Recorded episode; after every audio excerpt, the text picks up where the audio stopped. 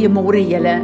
Ook elke een van julle wat op verskillende plekke in die wêreld inskakel by ons. Dis vir my so wonderlik om te weet dat uh hierdie 'n platform is waar ons die eenheid van die Here kan ervaar en waar ons weet dat ons is die liggaam van Jesus Christus wêreldwyd en dit maak nie saak waar ons is nie ons pas in hierdie liggaam onder die hoof Jesus Christus ons Heer en Meester. En daarom kan ons die eenheid ervaar soos wat die hoof soos wat Jesus met ons praat en ons leer Ons het verlede keer gepraat oor die strategie van die vyand en hoe hy werk as aanvaller wat ons aankla dag en nag.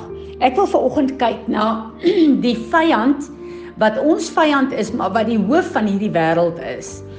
En wat dit beteken en waar dit ons bring in die wêreldstelsel.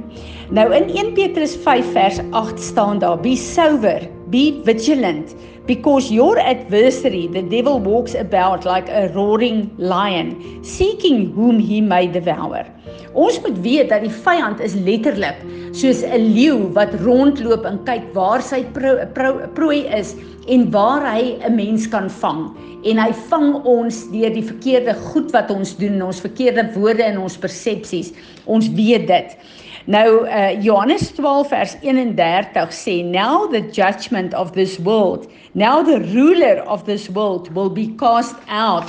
En saam met dit wil ek lees Matteus 4 vers 8 en 9 Again the devil took him up on an exceedingly high mountain and showed him all the kingdoms of the world and their glory and he said to them all these things I will give you if you will fall down and worship me Nou as ons kyk na hierdie skrifte dan sien ons baie baie duidelik dat die hele wêreld en die wêreldstelsel behoort aan hierdie vyand van ons, aan die duiwel. In die tuin met die sondeval waar Jesus waar God alles vir die mens gegee het, die hele wêreld en die wêreldstelsel.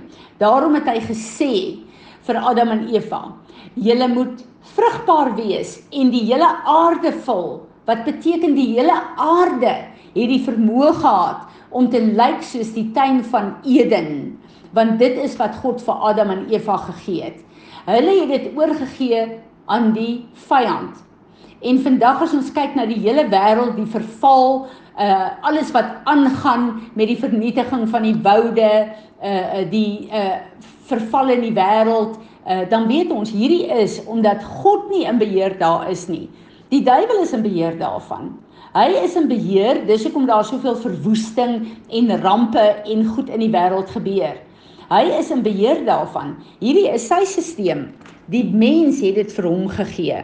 En daar sien ons ook duidelik waar Jesus gekom het in die woestyn toe hy waarskynlik al so swak was fisies van 'n uh, 40 dae vas. En aan die einde van hierdie 40 dae vas kom die vyand en ek was op die plek by hierdie berge gewees waar uh, die duiwel vir Jesus gebring het en gewys het. Dan kyk jy so uit oor daai gedeelte in Israel en jy sien die dorpe, jy sien die valleie, die vrugbare plek waar daar is en hy sê, hierdie al hierdie goed sal ek vir jou gee as jy voor my buig.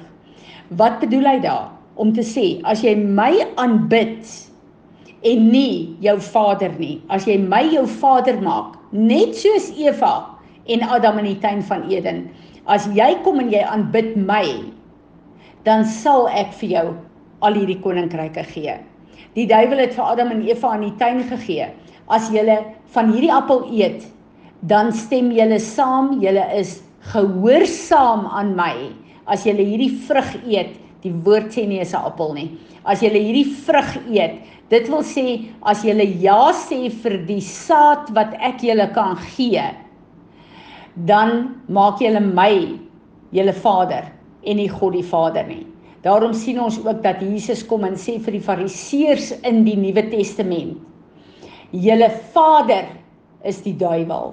Want wat in uh die tuin van Eden gebeur het, is dat Adam en Eva het uh God verwerp en hulle het die vyand aangeneem. sonder dat hulle in woorde gesê het hulle verwerp God, maar omdat hulle hulle onderwerp het aan die vyand het hulle hulle oopgemaak vir sy koninkryk en sy hele stelsel. En dit is wat hier wat die vyand hier vir Jesus weer sê.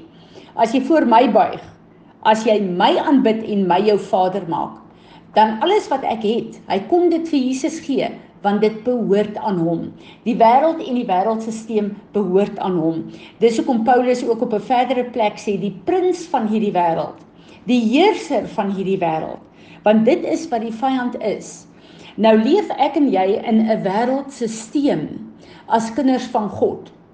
Maar die wêreldstelsel het sekere waardes wat totaal goddeloos is En dit is wat die wêreld ons kan bied. Al die vermaak, al die rykdomme, al hierdie goed wat hy Jesus beloof het. Al hierdie fisiese wat jou vlees streel, wat vir jou lekker is, wat vir jou goed kan doen op aarde. Dit is wat die vyand het om vir ons te gee. Maar die gevolge daarvan is totale wetteloosheid wat God betref.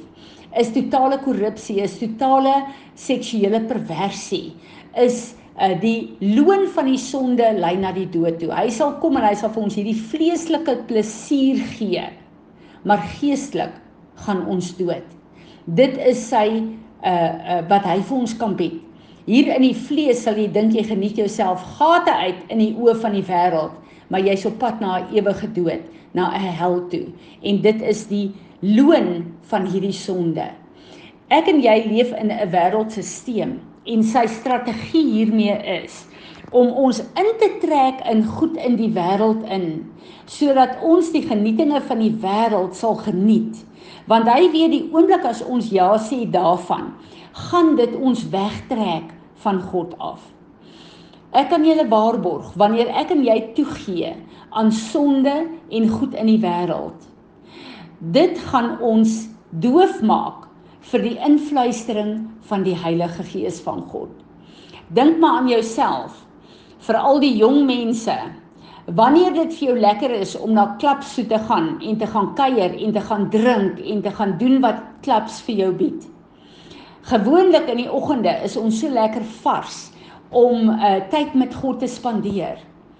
Dit gaan nie meer vir jou regtige prioriteit wees nie want jy gaan moeg wees Meeste van hulle as hulle te veel gedrink het, voel sleg die volgende oggend. Jy is nie eens lus om uit die bed uit te staan nie. Wat nog te sê om tyd te spandeer met die een wat jou moet programmeer vir die dag wat volg om vir jou 'n suksesvolle dag te hê, om vir jou 'n gesonde liggaam te gee. En soos wat hierdie fisiese goed van die wêreld kom en jou liggaam begin beïnvloed en jou aan uh, aftakel, so verwyder dit jou uit God se teenwoordigheid. En kinders van God weet as hulle backslide, dan in die begin voel jy skuldig. maar Hoe meer jy toegee aan die goed van die wêreld, hoe minder voel jy skuldig tot jy op 'n plek is waar jy nie eers meer dink aan jou verhouding met die Here of vir hom 'n plek gee in jou daaglikse lewe nie.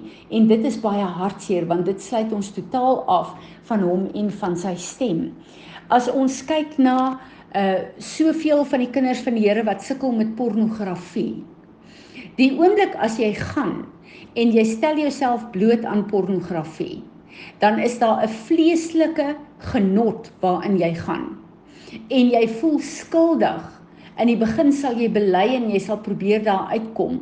Maar daai genot wat jy ervaar, volgende keer as jy teruggaan na pornografie toe, moet jy na erger goed gaan kyk om vir jou dieselfde vlak van genot te gee as daai uh, eerste. En dit is hoe dwelms ook werk. Jy sal eers net kom en jy sal 'n dwelm gebruik en jy sal daai ekstase van die vlees ervaar. Volgende keer moet jy meer van daai dwelm gebruik om daai selfde ekstase te vervaar uh, uh, te ervaar. Die volgende keer moet jy sterker dwelms gebruik om op daai selfde plek van ekstase te kom.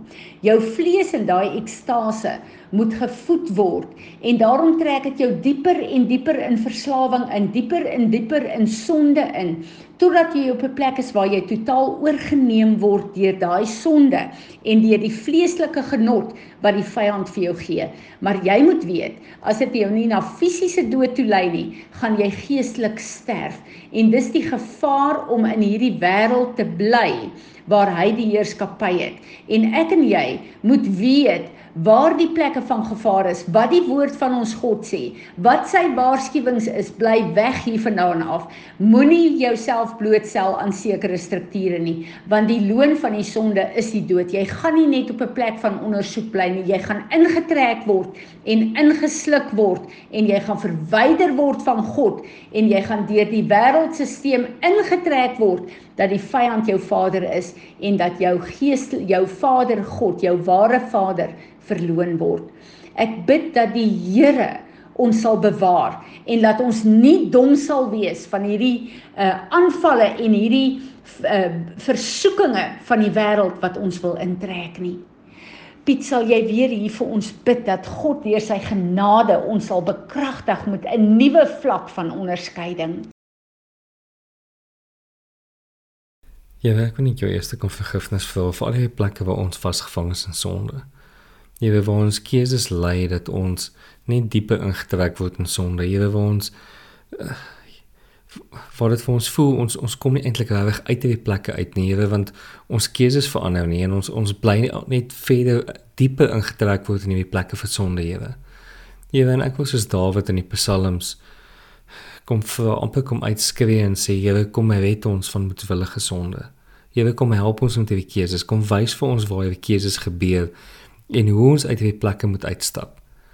Jy ek hoef vir vir hom elkeen te kom sien met 1 Korintiërs 10 vers 13 in die openbaring daarvan waar u sê dat u sal nie toelaat dat ons versoek word bo dit wat elkeen van ons kan hanteer nie. En saam met die versoeking, wanneer daai versoeking kom, sal u vir ons 'n uitweg gee. Weet dat ons sal verstaan wanneer die versoeking kom. Weet dat ons 'n keuse het in hierdie versoeking. Weet dat ons daai keuse sal kan identifiseer en daai keuse kan verstaan. Jy weet wanneer jy vir ons die uitweg gee om van hierdie versoeking te kan wegdraai, Here. Weet dat ons daai daai uitweg sal vat, Here. Dat ons nie koppig sal wees en binne in daai versoeking ingaan en ons en ons vlees vol indulge binne in daai versoeking in nie. Weet maar dat ons die uitkoms wat U vir ons sal gee sal vat en sal stap wegstap van hierdie versoeking af en sal omdraai en sal met U sal wegloop, Here. Here bring hierdie openbaring by elkeen van ons. Here kom breek hierdie ding vir ons oop sodat ons sal verstaan hoe om ons rug te draai op sonde, Here. Waar U vir ons die uitweg gee waar ons saam met U kan omdraai en kan wegstap, Here. Heilige Gees, kom werk in elkeen van ons en kom help ons om die oorwinning te stap wat U vir ons gemaak het op hierdie aarde. Dankie, Here. Amen.